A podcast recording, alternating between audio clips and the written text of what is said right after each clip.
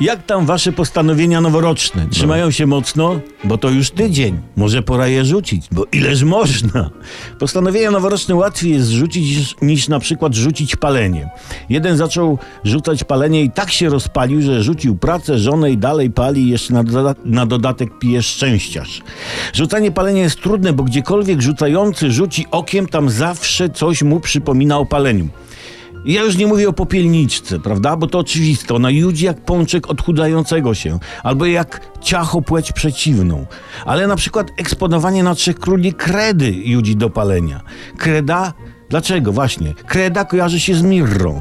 Ta bezpośrednio z kadzidłem. A co robi kadzidło? Dymi. Dymi. Dlatego właśnie w okolicach Trzech Króli załamuje się większość postanowień noworocznych o rzucaniu palenia. Powinien też obowiązywać zakaz wystawiania na widok publiczny rąk. Wiadomo, robota często się w rękach pali. A jak się pali robota, no to i papieros może. Tak? Musi być wycofana ze sklepów cebula dymka. Wiele innych rzeczy. A przede wszystkim sześć. Tak, sześć, sześć.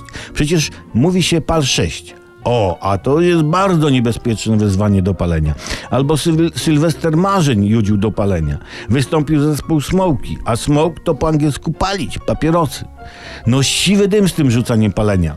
I słuchajcie, już coraz częściej będziemy słyszeć prośbę stary, poczęstuj mnie fajką, bo rzucam palenie i nie kupiłem. Please.